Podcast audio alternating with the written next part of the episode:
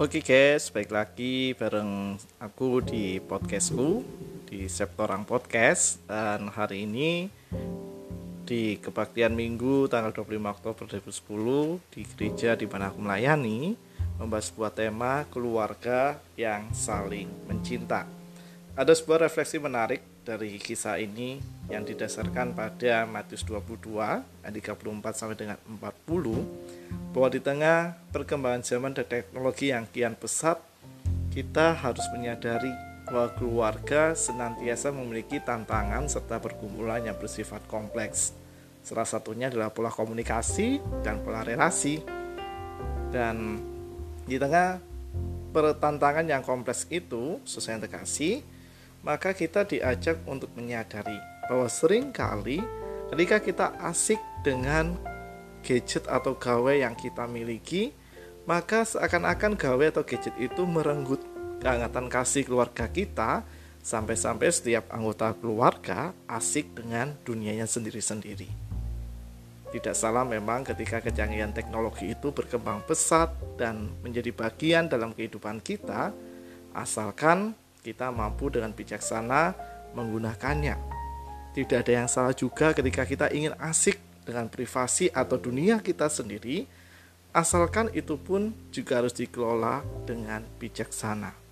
Sehingga memang salah kalau misalnya kita menyalakan gawai atau gadget itu sebagai hal yang merenggut keluarga atau kehangatan kasih keluarga kita. Karena kalau kita telusuri lebih dalam sesuai kasih, maka tak hanya gawai yang mampu merenggut kehangatan kasih di tengah keluarga ada begitu banyak hal lain yang membuat kita asik sendiri yang dapat menjadi faktor-faktor penyebab hilangnya kehangatan kasih di tengah-tengah keluarga kita. Maka pertanyaannya adalah bagaimana kita menyikapi, mengolah dan mengatasi fenomena tersebut. Bagaimana kita bahkan menghadapi dengan berani realita yang terjadi mungkin tidak hanya di keluarga kita, tetapi juga di keluarga-keluarga yang lain yang menjadi sebuah tanda dalam diri kita bagaimana kita harus memperjuangkan kehangatan kasih di tengah-tengah keluarga. Sesuai yang terkasih, Injil Matius 22 ayat 34 sampai dengan 40 adalah teks yang dikenal luas oleh kita dan menjadi dasar atau hukum dalam mewujudkan kasih di kehidupan sehari-hari Teks ini berbicara tentang mengasihi dalam dua sisi, mengasihi Tuhan dan mengasihi sesama. Matius 22 ayat 37 adalah rangkuman dari 10 perintah yang diberikan Allah kepada Musa, yaitu hukum yang pertama sampai dengan yang keempat.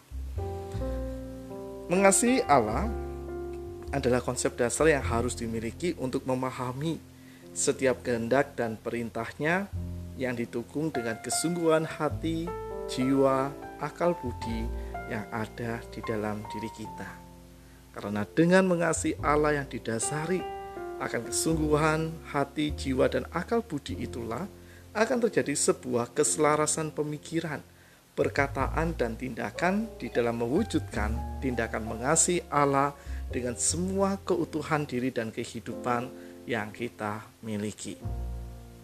Dan kasih yang menjadi sebuah perintah ini harus dilakukan secara total kepada Allah.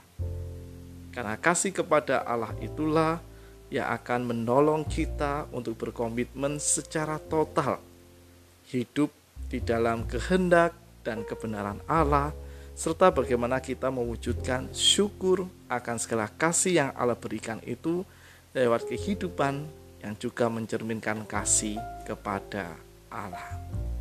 Lalu yang kedua, di Matius 22 ayat 39 yang adalah rangkuman dari hukum yang kelima sampai dengan yang ke-10, kalau kita melihat lebih jauh, tidak ada perbedaan di dalam penegasan tentang wujud nyata kasih yang diajarkan oleh Kristus. Karena perintah mengasihi sesama lahir dari kesungguhan mengasihi Allah. Kedua perintah itu dalam tanda kutip sama, melainkan homonia, seperti mirip atau hampir sama. keduanya tidak dapat dipisahkan. Kasih kepada Allah haruslah menjadi nyata dalam kasih kepada sesama. Demikian pula, kasih kepada sesama harus dijiwai oleh kasih kepada Allah. Artinya, tidak ada perbedaan antara kita mengasihi Allah dan mengasihi manusia, karena hal itu bukanlah sebuah perasaan yang samar-samar. Ketika kita mengasihi sesama manusia, berarti di sana kita mengasihi Allah. Karena mengasihi sesama menjadi komitmen penuh yang diwujudkan dalam devosi kepada Allah serta pelayanan-pelayanan praktis kepada sesama manusia. Dan satu hal yang perlu kita ingat bersama bahwa jauh sebelum kita menyatakan kasih kepada Allah, ia telah lebih dahulu mengasihi kita dalam kehidupan pribadi maupun keluarga. Di dalam bingkai kasih Allah, kita dibentuk untuk kemudian menjadi pribadi-pribadi yang mengasihi sesama. Jadi, kasih kepada Allah harus pertama kali ditunjukkan kepada sesama yang dekat kepada kita, yaitu keluarga kita, tetangga kita, komunitas pelayanan, dan setiap perjumpaan kita di tengah-tengah masyarakat, meski kita tidak mempunyai hubungan darah sekalipun. Bila kasih kepada Allah tidak diwujud nyatakan dalam kasih kepada sesama, kasih kepada Allah tidak utuh. Dan bila kasih kepada sesama tidak dijiwai oleh kasih kepada Allah, kasih itu akan sulit bertahan di tengah-tengah tantangan. Maka dari sana kita dapat belajar bagaimana arti mengasihi yang sesungguhnya. Ketika kita mengasihi sesama, berarti kita melakukannya karena kita telah dikasihi oleh Allah. Demikian juga, ketika kita mengasihi Allah, itu menjadi landasan kuat kita untuk menyatakan kasih yang sesungguhnya dan kasih yang nyata kepada sesama. Dengan keduanya dilakukan secara seimbang, maka kasih kita menjadi kasih yang utuh. Dan kalau kita kaitkan dengan hidup berkeluarga, dibutuhkan kesadaran yang tinggi bahwa setiap anggota keluarga merupakan subjek yang harus berdaya di dalam mewujudkan damai sejahtera Allah.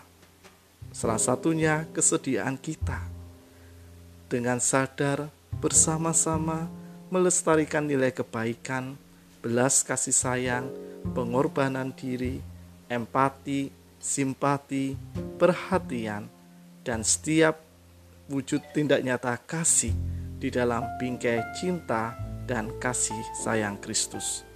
Maka untuk melakukannya, kita mengingat bagaimana firman Tuhan mengajarkan pada kita semua bahwa cinta kasih membutuhkan sebuah tindakan aktif.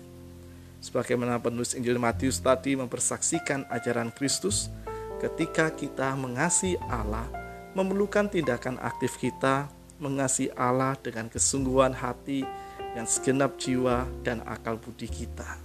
Demikian juga ketika kita ingin menyatakan kasih kepada sesama, maka dibutuhkan kesediaan kita untuk melakukannya secara aktif sebagaimana kita menjaga dan mengasihi kehidupan kita sendiri. Dan untuk mencapai itu sesuai yang terkasih, kita memerlukan semangat mencinta dalam relasi dan hidup berkeluarga kita. Cinta tak hanya sekedar kata, melainkan tindakan keseharian hidup yang kita jalani cinta. Ciptakanlah suasana yang saling mengasihi di tengah-tengah keluarga kita. Introspeksilah ketika kita mungkin berbuat yang tidak berkenan dan melanggar cinta kasih di tengah-tengah keluarga kita. Ketika kita menyakiti hati keluarga kita, introspeksilah. Karena dengan introspeksi itu yang akan menolong kita untuk dapat memperbaiki tindakan kasih kita di tengah-tengah keluarga. Nyatakanlah dengan sengaja setiap ungkapan kasih kita di dalam tindakan-tindakan yang sederhana sekalipun, tetapi kita mampu menunjukkan kesediaan kita dengan sungguh-sungguh dalam mengasihi. Nyatakanlah maaf ketika salah seorang anggota keluarga kita menyakiti kita. Nyatakanlah untuk meminta maaf ketika kita menyakiti hati keluarga kita. Nyatakanlah dengan sungguh-sungguh setiap apresiasi atau penghargaan atas kasih yang telah diberikan oleh orang-orang yang mengasihi dan kita kasihi di dalam kehidupan kita. Terimalah setiap orang atau anggota keluarga dengan segala kekurangan dan kelebihan yang ia miliki yang bersedia mengasihi dan sedia kita kasihi. Dan ajaklah dengan penuh sukacita setiap anggota keluarga kita untuk selalu menghidupi mewujud nyatakan kasih yang telah Allah anugerahkan kepada sesama yang kita jumpai. Dengan demikian, kita dapat terus melatih semangat mencinta agar kehidupan keseharian kita, baik pribadi maupun komunal sebagai sebuah keluarga, bahkan sebagai sebuah komunitas persekutuan gereja, selalu berdampak positif dalam kehidupan kita sehari-hari. Selamat merayakan hidup mencinta di dalam keluarga kita.